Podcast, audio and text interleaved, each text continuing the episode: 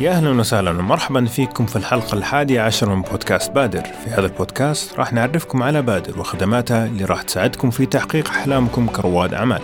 بالإضافة راح نستضيف مجموعة من رواد الأعمال نجحوا أو في الطريق إلى النجاح عشان نستفيد من خبراتهم كيف بادر ساعدتهم في الوصول إلى هدفهم. معكم أحمد عاشور خلونا نبدأ.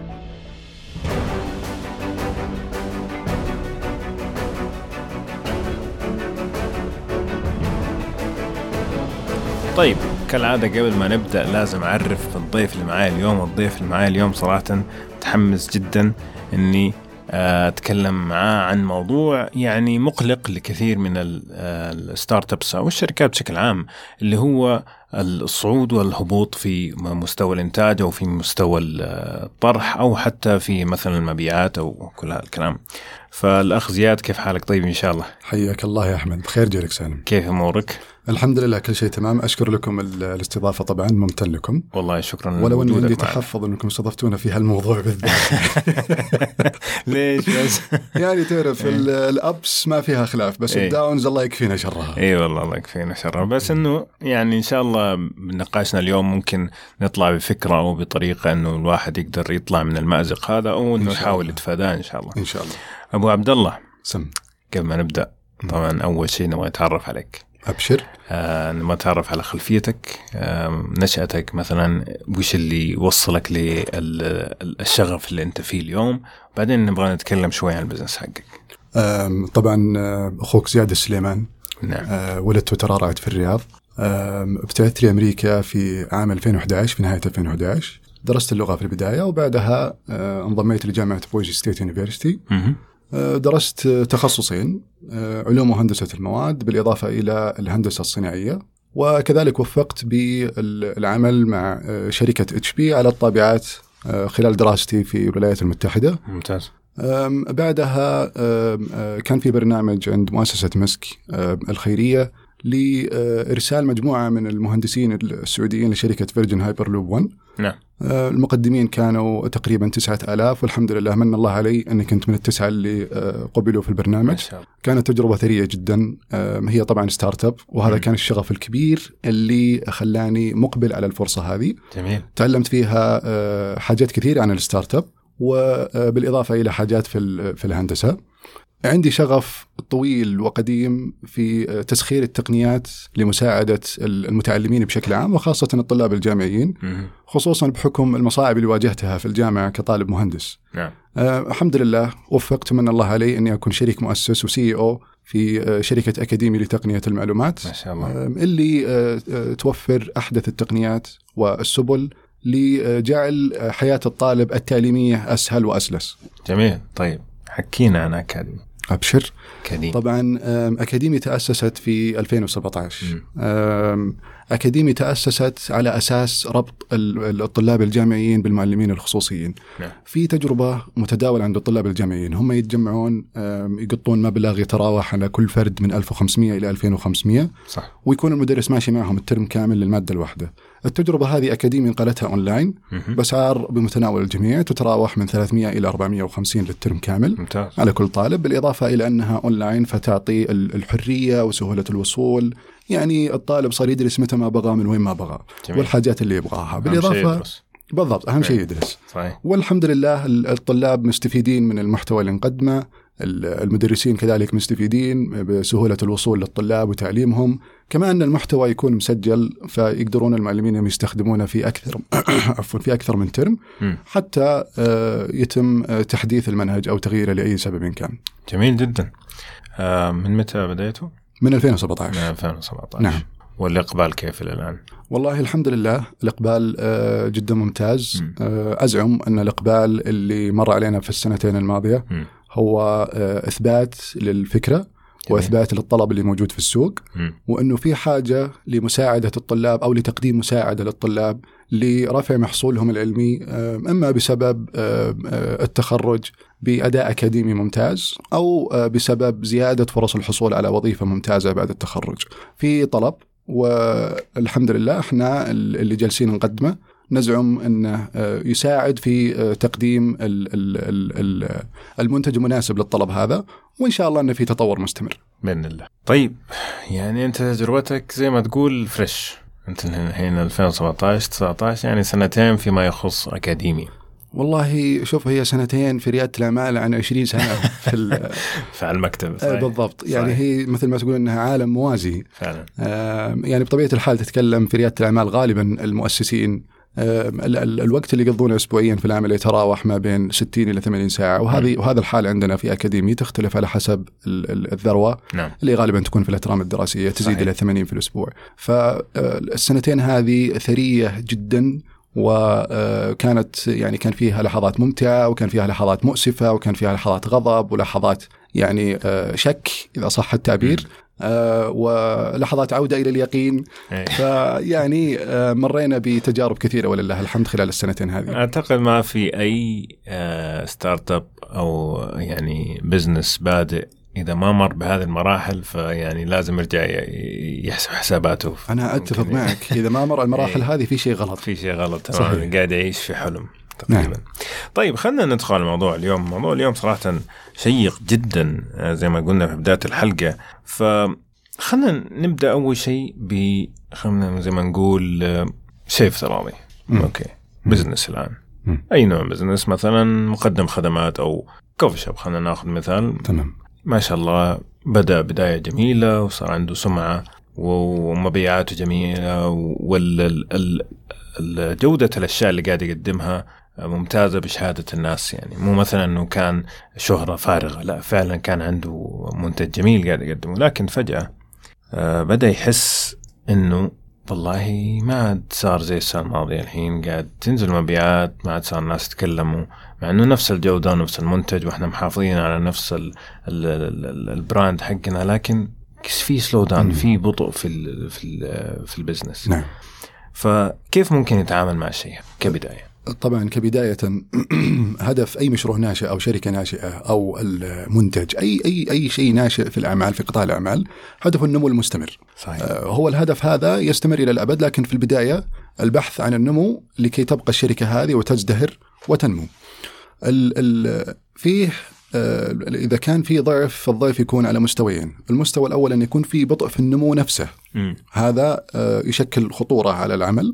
أو على الشركة الناشئة لكن الأدهى والأمر منه إذا صار فيه تراجع في عدد المستخدمين أو المبيعات أو. غيرها ففي الحالة هذه آه، هو هي هي تكمن الخطورة الحقيقية في ال- في الحالة هذه أول شيء على المؤسس أو صاحب العمل أو مهما كان اللي يدير هذه الشركة الناشئة أن لا يجزع هذا أسوأ وقت ممكن تجزع فيه اللي هو. آه، حافظ على هدوءك. ركز على هدفك اعرف إن ال- الحالة اللي يمر فيها البزنس أو الشركة الناشئة هي حالة طبيعية تمر فيها كثير من الشركات الناشئة وممكن تمر أكثر من مرة. الحاجة الأخرى في هذه اللحظة هي حساسة وحرجة جدا خاصة من ناحية الفريق. نعم. غالبا في الأوقات هذه الفريق يبدأ يتصدع ويبدا يتفكك فيجب على رائد الأعمال أو ال- ال- ال- صاحب المنشأة أو المدير أو مهما يكون اللي آه، مشرف على هذه الشركة الناشئة أن آه، يحافظ على بث روح الإيجابية والأمل وتركيز ال- الفريق على الهدف اللي اجتمعوا عليه من الأساس. وهدفهم ما زال قائم وهم متجهين للهدف هذا هدت السرعة شوي لكن في وقت من الأوقات بنوصل له إن شاء الله. بعد ما يحافظ على ترابط الفريق وتماسكه الآن يجب عليه البحث عن المشكلة، طبعا هنا تكمن الصعوبة العظمى، يعني إحنا صحيح. نتكلم في شركات استشارات آه، ارباحها أو إيراداتها السنوية بالمليارات، هذه الشغلة اللي قائمة عليه. مم. في أعمال يكون عندها مشكلة. المشكلة هذه مش عارفين من وين بس شايفين أثرها لكن مش شايفين المشكلة. فهذه تكون دور الشركات الاستشارات. فهي مسألة ما هي بسيطة جدا. يجب إيجاد المشكلة أول شيء بعدين تحليل المشكلة. من وين آه، جت المشكلة هذه إيش أسبابها ليش تشكلت عندنا بعدين طرح حلول وبعد طرح الحلول تجريب هذه الحلول أو تنفيذها بشكل مباشر وإذا ما نفعت تجريب حلول أخرى حتى تنقضي هذه المشكلة إن شاء الله ويرجع العمل أو الشركة الناشئة إلى مسارها اللي كانت عليه. جميل طيب خلينا نفترض إنه يعني جاء slow down أو جاء زي ما تقول التباطؤ. في المبيعات لكن ما لاح ما لاحظنا في الوقت المناسب آه. okay فالآن هل هذا ممكن يكون سبب آه، من أسباب الفشل لل startups؟ طبعا بلا شك إنه ممكن يكون سبب أه، من أسباب ال- الفشل في ال startups إيش في اشياء ثانية ممكن مثلا تكون من أسباب الفشل؟ هو شوف يعني آه، خلينا ننظر لها من من من زاوية مختلفة، خلينا نشوف إيش الوصفة اللي تخلي الشركة الناشئه تنجح. مم. عندنا بيل جروس، آه، آه، بيل جروس هو مؤسس آيديا لاب. ايديا لاب مرت عليه أكثر من 130 شركة، بعضها حققت نجاحات آه، باهرة جدا اي وبعضها مرت بأفشال ذريعة آه، جدا. آه، محلل ال 130 شركة هذه اكتشف أن فيه خمس مكونات لوصفة النجاح ورتبها حسب الأولوية. كانت الأولوية الأولى للتوقيت، توقيت الفكرة. أوكي هل الفكرة ال ال ال الوقت في السوق وعند العامه أو عند الشريحة اللي أنت تستهدفها مناسب أنهم يتقبلون الفكرة هذه؟ هل في الأساليب اللي تدعمها؟ يعني مثلا لما ينزل لي ال- ال- المحاكاة للواقع، تقنية محاكاة للواقع،. لكن ما في ال- الأجهزة اللي تدعمها. أو ما في شبكة ال 4G أو ال 5G الجيل الرابع والخامس اللي تدعمها فهذه كانت ساب- سابقة لوقتها وكذلك ممكن تكون متأخرة عن وقتها. فهذه التوقيت كان أعلى مكون مهم لوصفة النجاح. جميل. ال- ال- ال- الحاجة الأخرى اللي هي الفريق والتنفيذ. هذه كلها تدخل مع بعض لأنها هي واحدة. التنفيذ يكون من الفريق. الفريق والتنفيذ هي جت بعد التوقيت بشكل مباشر في أهل الأهمية من ناحية نجاح المشروع.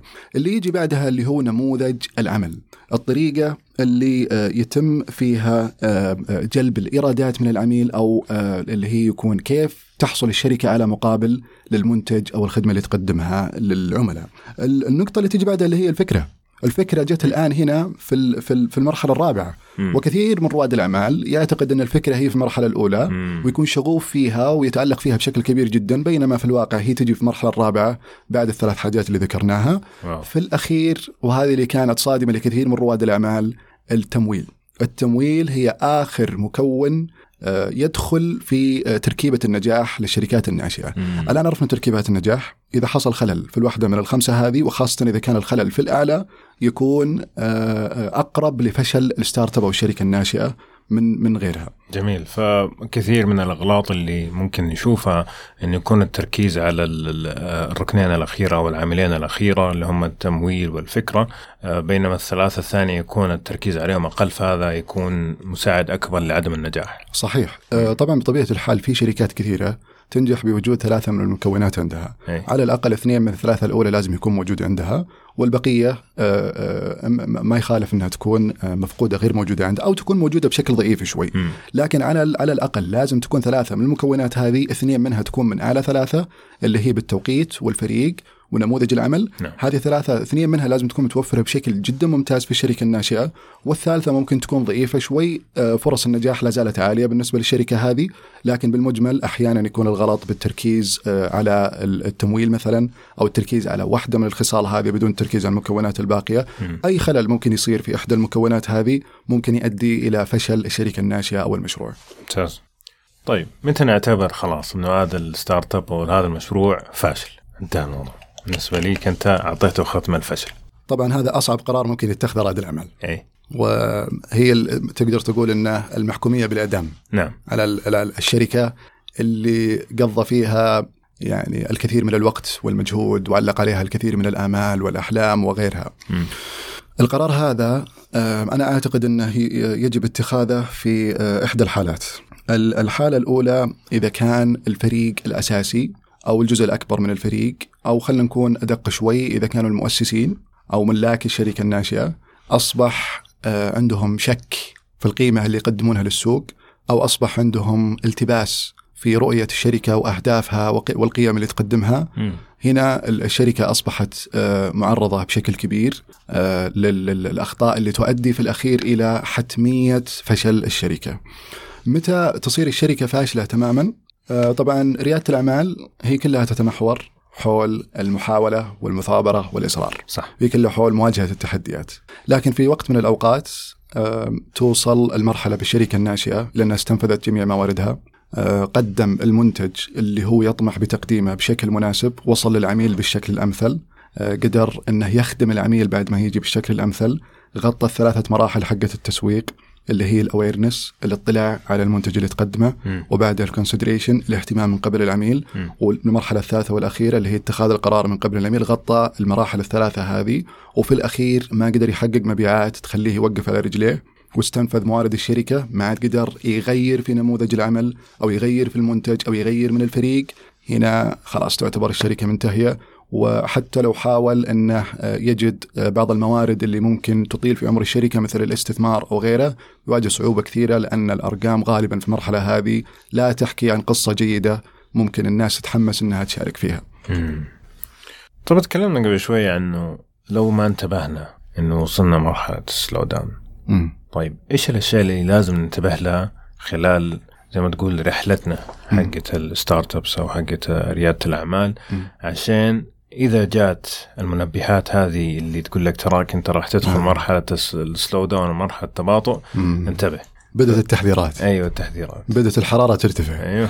أيه. هذه طبعا لعل أول الدلائل اللي تشير على إقبال الشركة على فترة ركود أو خمول أو حتى تراجع من ناحية المبيعات أو عدد المستخدمين مهما كان تعريف النجاح لهذه الشركة سواء كان بأعداد المستخدمين أو بالأرباح أو غيره في علامات تدل على انه ممكن يكون في فترة ركود أو دخلة على عصور مظلمة.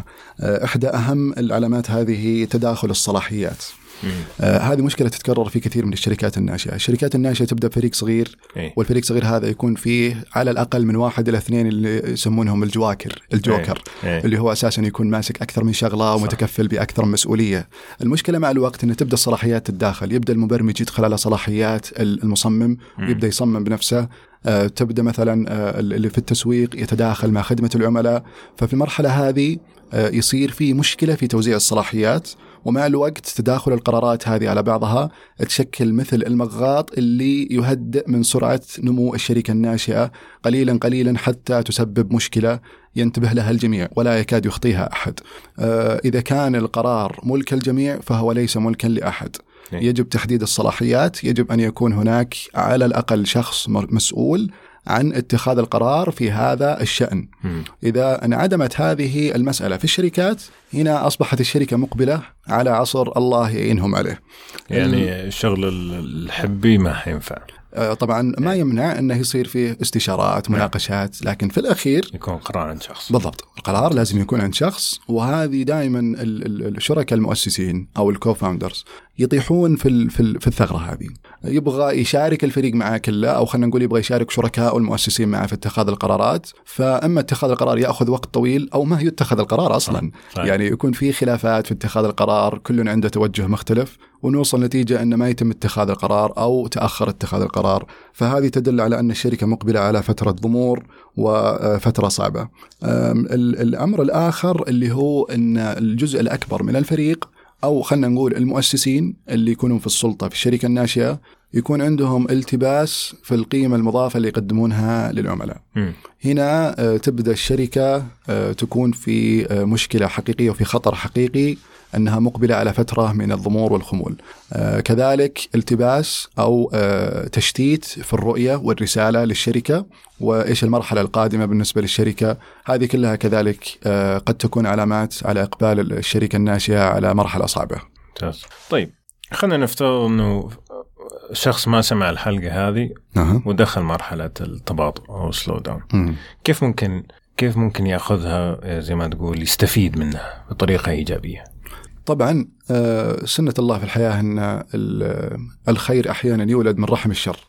وإن بعد العسر يسرا. نعم فهي مرحلة ممتازة جدا للنهوض من جديد وإنك تكون أقوى وهو فشل صغير. هو مش فشل كبير. الشركة إن شاء الله ما زالت قائمة وما زال في فرصة كبيرة إنها تنتعش وتنمو لكنه يعتبر فشل صغير والفشل هو أفضل معلم.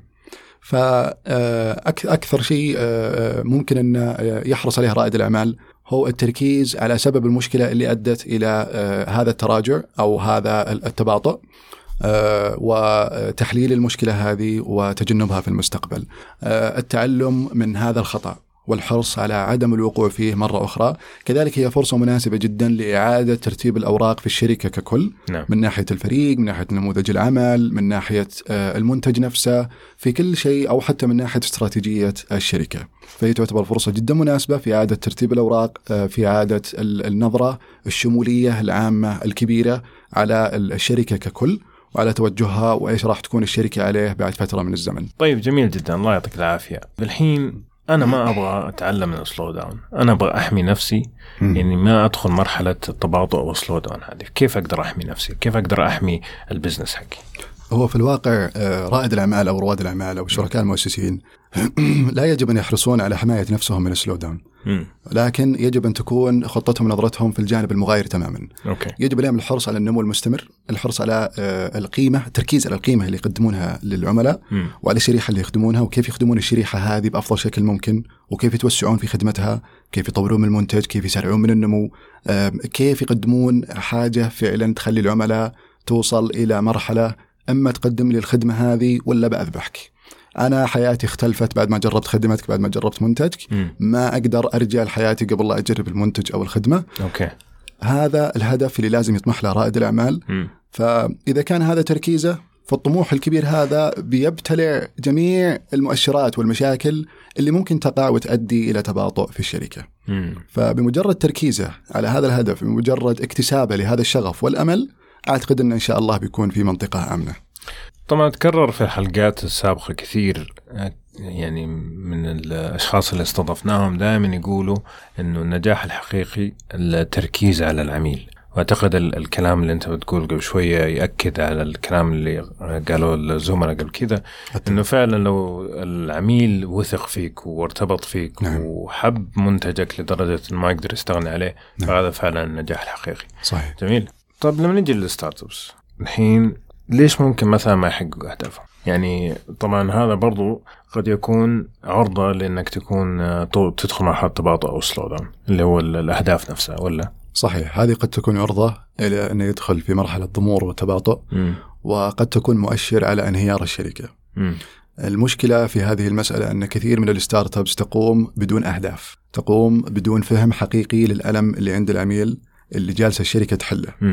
آه، ال startups يجب أن تقوم على آه، فكرة ال- ال monopoly اللي هي الاستفراد بال- بالسوق. اي آه، ولا تقوم على فكرة المنافسة. مم. هذه ال startup اللي فعلا تنجح وتحقق نجاح باهر جدا. ال- ال- اللي تبغى تستفرد بالسوق.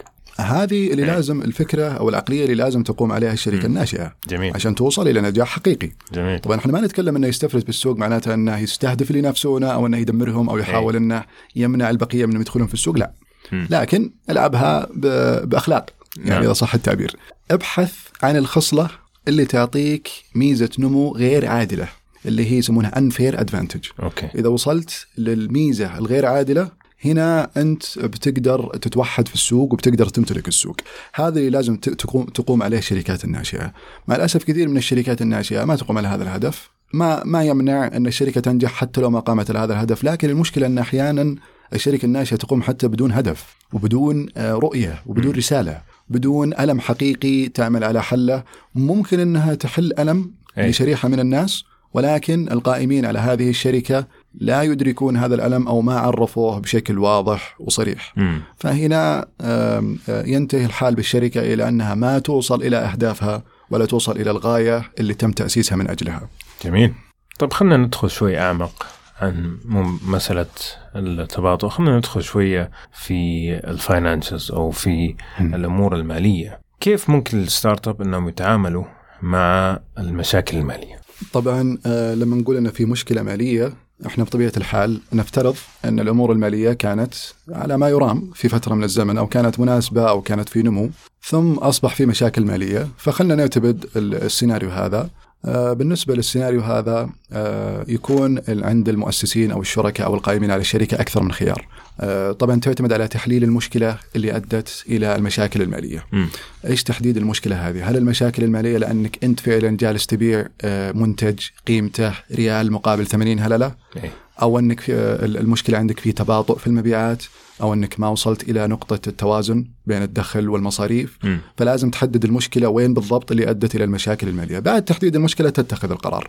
ال- ال- المشكلة العظمى إن كثير من الشركات اللي تدخل في مشاكل مالية يروح يتجه إلى جولة استثمارية. مم. الآن إذا كانت عندك مشاكل مالية وإذا كانت المشاكل المالية هذه سببها تباطؤ في الأرقام أو المبيعات أو عدد المستخدمين من أكبر الأغلاط اللي ممكن تتخذها أنك تفتح جولة استثمارية. أنت بالشكل هذا يا أنك بتدخل المستثمرين الغلط يعني حتى المستثمرين فيهم سياسة مو هو. كل من عنده فلوس خلاص صحيح. نفتح له باب الاستثمار. صحيح أو أنك آه، تبي تبيع جزء من شركتك بثمن بخس ففي إحدى الحالتين كلها أو ممكن تنتهي بحالة ثالثة اللي هي صعبة جدا إنك تبقى الفترة طويلة جدا في الجولة الاستثمارية. مم. لا أنت اللي ركزت المشاكل اللي عندك ولقيت لها حلول وطبقتها وعود عودت الشركة تنتعش من جديد.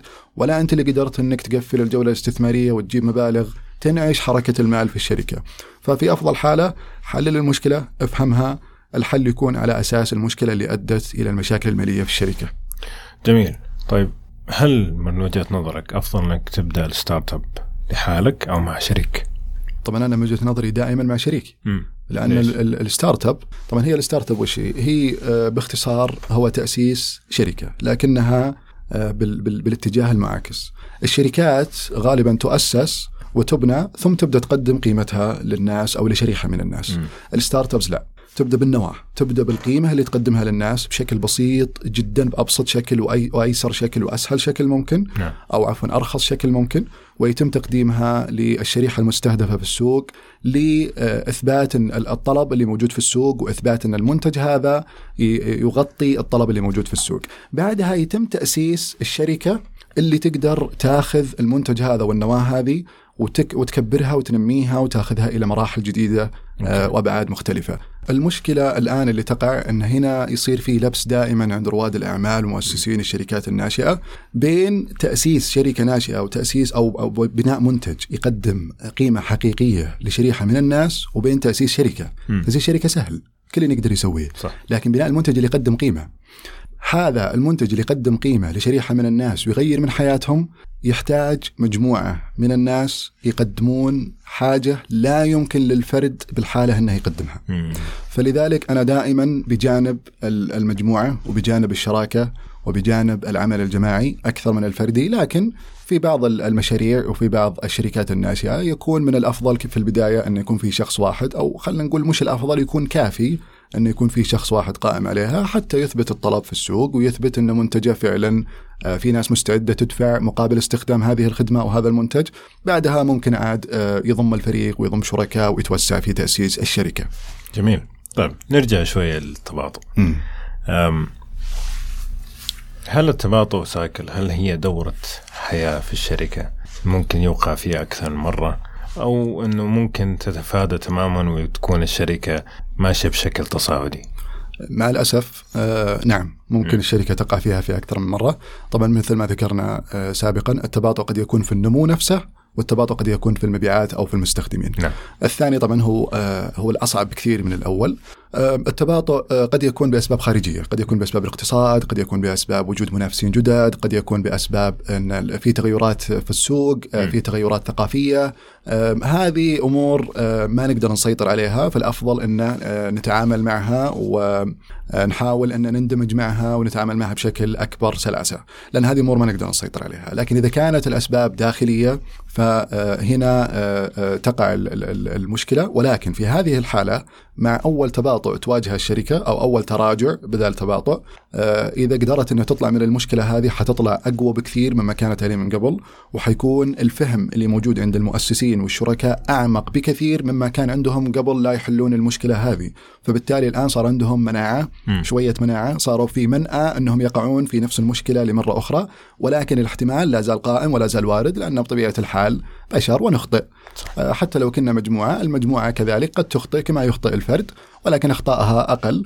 ولكن آه، الدرس ال- ال- الأول قد إن شاء الله آه، أو الغالب إن شاء الله انه بيخلي هالشركة وهالفريق فرصة أقل بكثير من انه يقع في نفس المشكلة مستقبلا لكنها واردة. طيب وإذا صار سلو داون أو صار تباطؤ هل آه، أفضل لل... للشركة أنهم يغيروا أو يعدلوا في الاستراتيجيات حقتهم؟ طبعا أنا أعتقد انه آه، ما هو الوقت المناسب لتعديل الاستراتيجية أو تغيير الاستراتيجية مم. إلا في حالة كان ال- المشكلة سبب المشكلة من الاستراتيجية أو الخطة. أها. أو إذا كان في آم، آه، الاستراتيجيه أو الخطة ما كانت واضحة أو كان فيها لبس أو كان فيها بعض ال- سوء الفهم من قبل بعض ال- ال- الشركاء المؤسسين أو بعض آه، ال- ال- الملاك أو أو غيرهم. من ال- الضالعين آه، في مجرى الأمور في الشركة. إذا كان آه، آه، في هذه الحالة ممكن انه يحصل تغيير في الاستراتيجية أو في الخطة ما يمنع إذا كانت هي سبب المشكلة أو جزء من سبب المشكلة أو إذا كان تغييرها جزء من الحل. ما يمنع لكن أن يتجه رائد الأعمال مباشرة إلى تغيير الاستراتيجية مع أول مطب يواجهه هذه مشكلة صح لازم الصبر مطلب وكذلك لازم تعطي المنتج فرصته الكافية أنه يثبت نفسه. مم. لازم تحرص أنك أنت وصلت للشريحة اللي جالس تستخدمها بالشكل الأمثل، لازم تحرص أنك قدمت منتجك بالشكل الأمثل، أحيانا تغييرات بسيطة جدا تؤدي إلى فرق كبير. صح. يا إحنا نتكلم في إحدى الشركات كان عندهم آه، منتج يقدمونه آه، بجزء مجاني وإذا بغيت ميزات أكثر تدفع اللي هو نظام الفريميوم. نعم آه، كان في عندهم إيميل ترويجي يستخدمونه في حملاتهم الإعلامية، الإيميل هذا كان يقول تعال واستخدم ال- المنتج بدون مقابل. غيروا الكلمة فقط بين تعال استخدمه بدون مقابل إلى جرب بالمجان. النمو عندهم أصبح 480% بعد تغيير هذه الجملة فقط. فأحيانا تغييرات بسيطة جدا قد تؤدي إلى تغييرات محورية في في في المنتج أو الشركة ككل. فانا أعتقد أن آه، اتخاذ القرار بتغيير الاستراتيجية أو الخطة في آه، مرحلة ضمور وتراجع ليس بالوقت الأمثل لأنك الآن غالبا نظرتك ما هي واضحة للأمور. غالبا إنك مضغوط ومشوش آه، وغالبا تمر مرحلة إحباط. فالأفضل إنك تجد المشكلة وتعمل على حلها. أفضل من التخلي عن استراتيجيتك والبدء باستراتيجية جديدة. ممتاز. طيب في مرحلة التباطؤ أو الضمور. مم. okay. هل المفروض أنه ال startup آه، يصغر ال business حقه يسوي انكماش تقشف في هذه المرحلة عشان يقدر يطلع مرة ثانية. نشوف مثلا دائما نسمع في الأخبار مثلا الشركة الفلانية سوت downsizing وطردت آه، 20% من من الموظفين عشان تقدر تستمر. فهل هذا شيء متطلب أو في وجهة نظرك أنه في طريقة تعامل أخرى مع مع الموضوع؟ طبعا قد يكون هذا الحل ولكن آه، في أحيان كثيرة يكون المطلوب هو العكس تماما.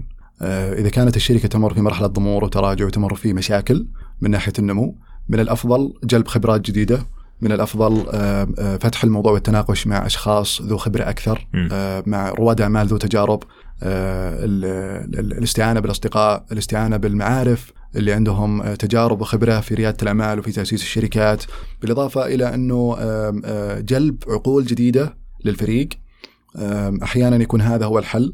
المشكلة في الموضوع إن تأسيس ال- ال- الشركة مسألة أكثر آه، تعقيدا من ما يتصوره البعض.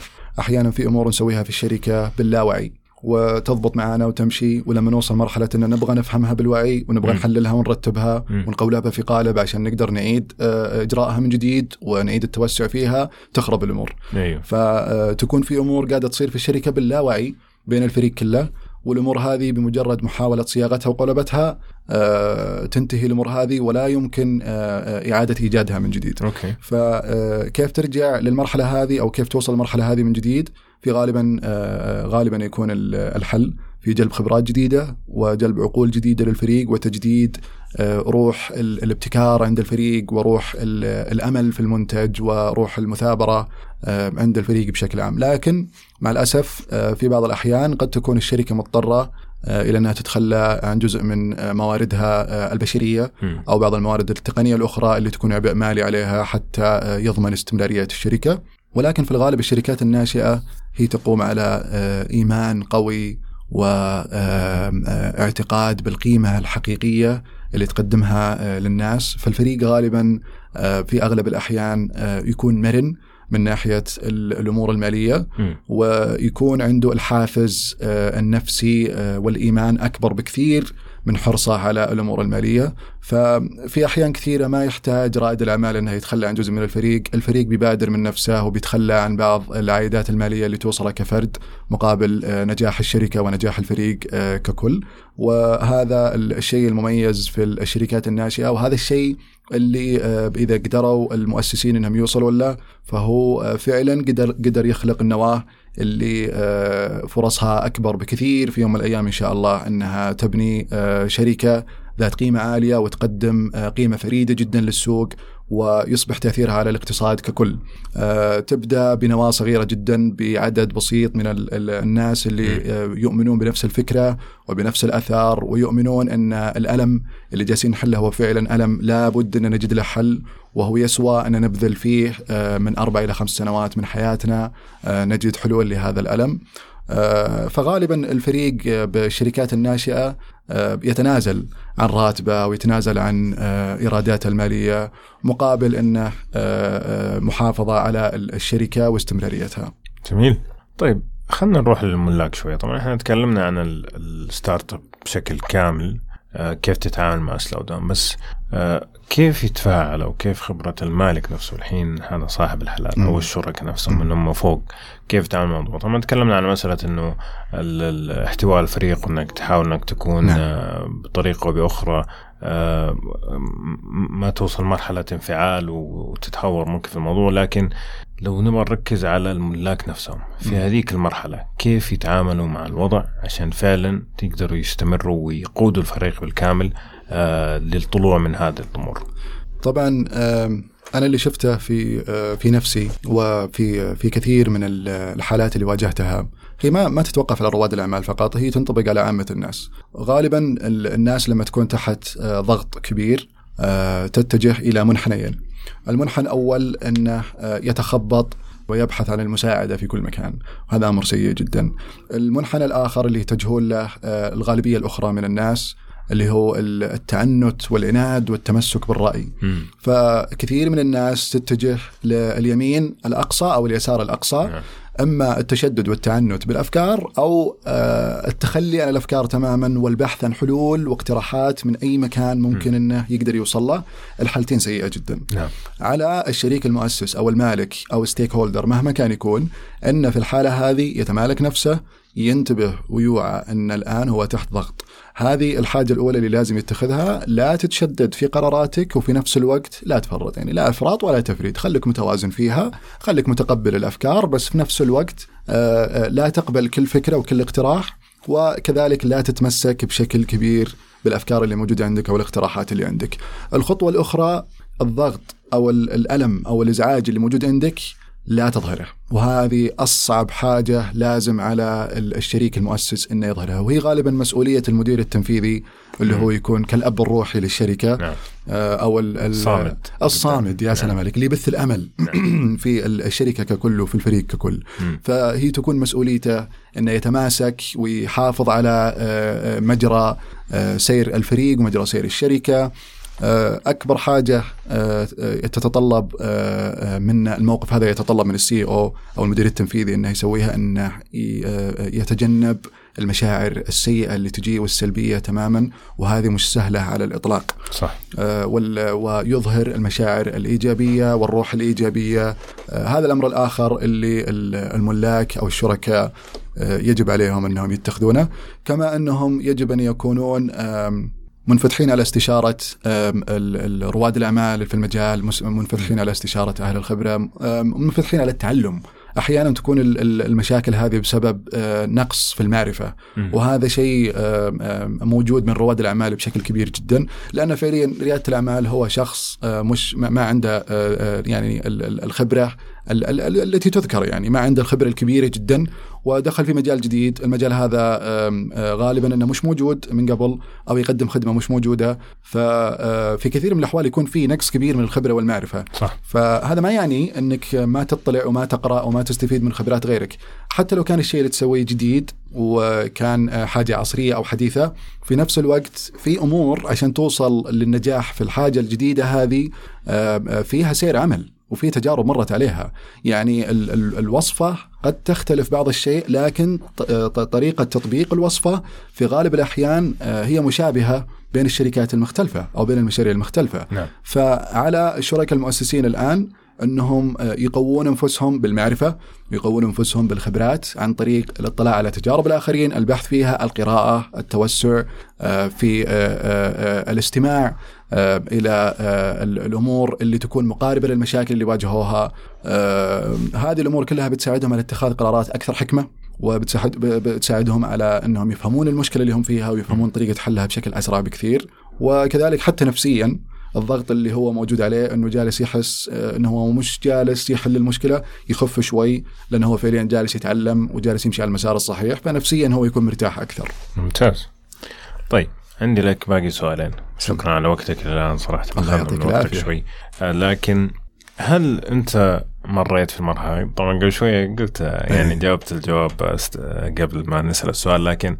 آه، مريت بالمرحلة حقت الضمور أو ال s- ال slow down قبل كذا؟ نعم. آه، هل في المشروع ال- نعم، صحيح. كان حق أكاديمي؟ نعم هو كانت في مشروع أكاديمي طبعا هي كانت بالاسباب آه، كانت م- متنوعة بين أسباب داخلية وأسباب خارجية نعم الأسباب الداخلية والخارجية كلها تجمعت آه، إلى أنها أدت إلى فترة آه، ضمور وتراجع كبير في أعداد المستخدمين. آه، ولكن الحمد لله آه، قدرنا أننا نوصل لأصل المشكلة وقدرنا أن نحللها ونفهم إيش أسباب المشكلة هذه. نعم. وبادرنا مباشرة في طرح حلول آه، طبعا ما أخفيك سرا أن في البداية كان في تخبط كبير. أي. آه، مني أنا آه، كفرد أو من الفريق. وكمدير تنفيذي كان تقع علي آه، مسؤولية كبيرة أني أحافظ على ال- الفريق هذا، أنا شايف الآن قدامي السفينة يتوهم لي وكأنها قاعدة تغرق، أي. فالآن ال- الضغط كبير جدا في أنك تحافظ على الفريق اللي يحافظ على السفينة هذه. صح. فهذه كانت آم، آم، مسؤولية كبيرة وضغط كبير. آه، ولكن ال- الحمد لله آه، وفقنا بفريق يعني ما أدري وش أقول عن ولاء الصراحة. حتى أن في آه، كثير من ال- ال- ال- الموظفين اللي موجودين عندنا اشتغلوا من شهرين لثلاثة شهور بدون رواتب وبدون عوائد مالية وبدون أي مقابل. فما أدري آه، كيف آه، أعوضهم أو كيف أشكرهم. الصراحة ما أتوقع إن في شيء ممكن يعطيهم إياه ممكن. يعوض على وقفتهم اللي وقفوها معنا. كذلك الشركاء اللي موجودين معي في الشركة الحمد لله وفقت بشركاء آه، كانوا خير نصير وخير عون في ال- في المرحلة اللي مرينا فيها.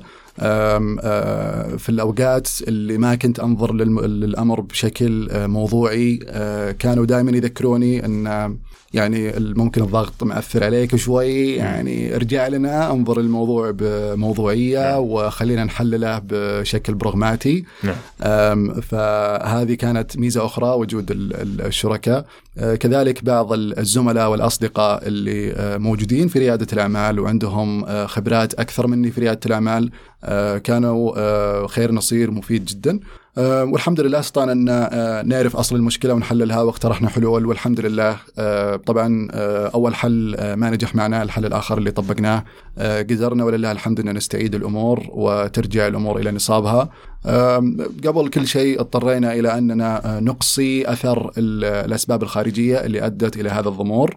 وبعد ما أقصينا هذا الأثر أه، توقعنا أن خلاص حلينا المشكلة تفاجأنا أن أه، في آثار داخلي داخلية. كانت بنتيجه الأضرار الخارجية داخل الفريق نفسه داخل ال- حتى عند المؤسسين نفسهم. أخذنا بعض الوقت إلى نلقى ال- الأصل المشكلة ما هي بسهلة ابدا. اطلاقا. جدا جدا. صعبة. إحنا نتكلم شركات مثل آه، ماكنزي وبروكتر أند جامبل شركات ضخمة جدا. هذه فعلا أصل أعمالهم. المؤسسات والهيئات والشركات الضخمة اللي تعاني من آه، آه، مشاكل آه، هم محترفين في إيجاد ال- آه، الأصل المشكلة وأسبابها.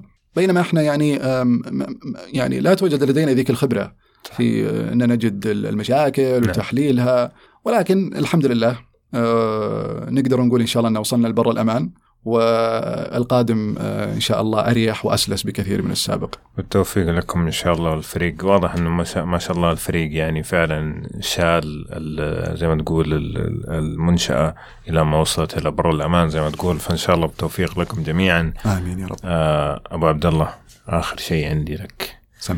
كلمة تقولها لرواد الأعمال. أنا أقول لزملائي وزميلاتي رواد الأعمال نعم. أم، إحنا اليوم في امال كبيرة معلقة علينا. أه، الشغل اللي جالسين نسويه أه، ثمرته إن شاء الله بعد أه، سنوات حتكون كبيرة جدا. على المستوى الشخصي وعلى مستوى المجتمع وعلى مستوى المنطقة ككل. آه، الشركات اللي مثل آه، كريم سوق دوت كوم إن شاء الله حنشوف أكثر منها بكثير في المستقبل. إن شاء الله. وكذلك حنشوف إن شاء الله آه، أموال تضخ في في هذه المجالات بشكل أكبر، حنشوف تطور إن شاء الله في كل المجالات آه، في التعليم، في الحلول المالية، في المواصلات وفي غير المجالات اللي بتخلي حياة الناس أسهل وبتأثر على الاقتصاد ككل. المسؤوليه علينا كبيرة.